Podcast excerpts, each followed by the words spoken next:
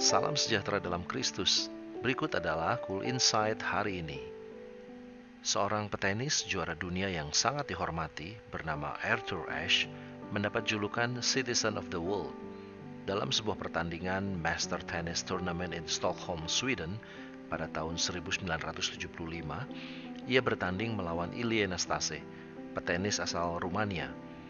Cara bermain Nastase seperti orang kesetanan – karena dalam pertandingan dia selalu mengeluarkan kata-kata makian, kata-kata kutukan, serta ejekan kepada lawannya. Namun Arthur dapat menerimanya dengan hati yang tenang. Ia menunjukkan sikap dewasa dalam meresponi lawannya tersebut.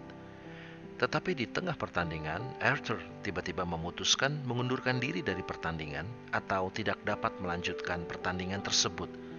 Ia meletakkan raketnya di tengah lapangan, kemudian berjalan menuju kursi wasit lalu berkata, "Sudah cukup bagi saya. Saya sudah bertahan sampai titik ini, dan saya rasa cukup. Saya khawatir saya tidak sanggup bertahan dan kehilangan kendali atas keadaan ini." Kemudian wasit itu menjawab, "Tapi Arthur, dengan tindakan ini kamu akan kehilangan kesempatan menang dalam pertandingan." "Tidak apa-apa," sahut Arthur. Saya lebih baik kehilangan kemenangan dalam pertandingan ini daripada kehilangan kendali dalam diri saya.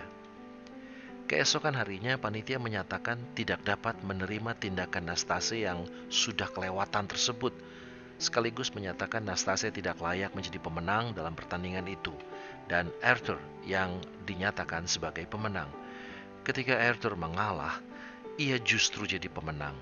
Keputusan juri tersebut mengagetkan banyak orang yang hadir pada saat itu, termasuk Nastase sendiri. Namun mau tidak mau, ia harus menerima keputusan panitia Kejadian ini menyatakan bahwa orang yang kuat belum tentu menang.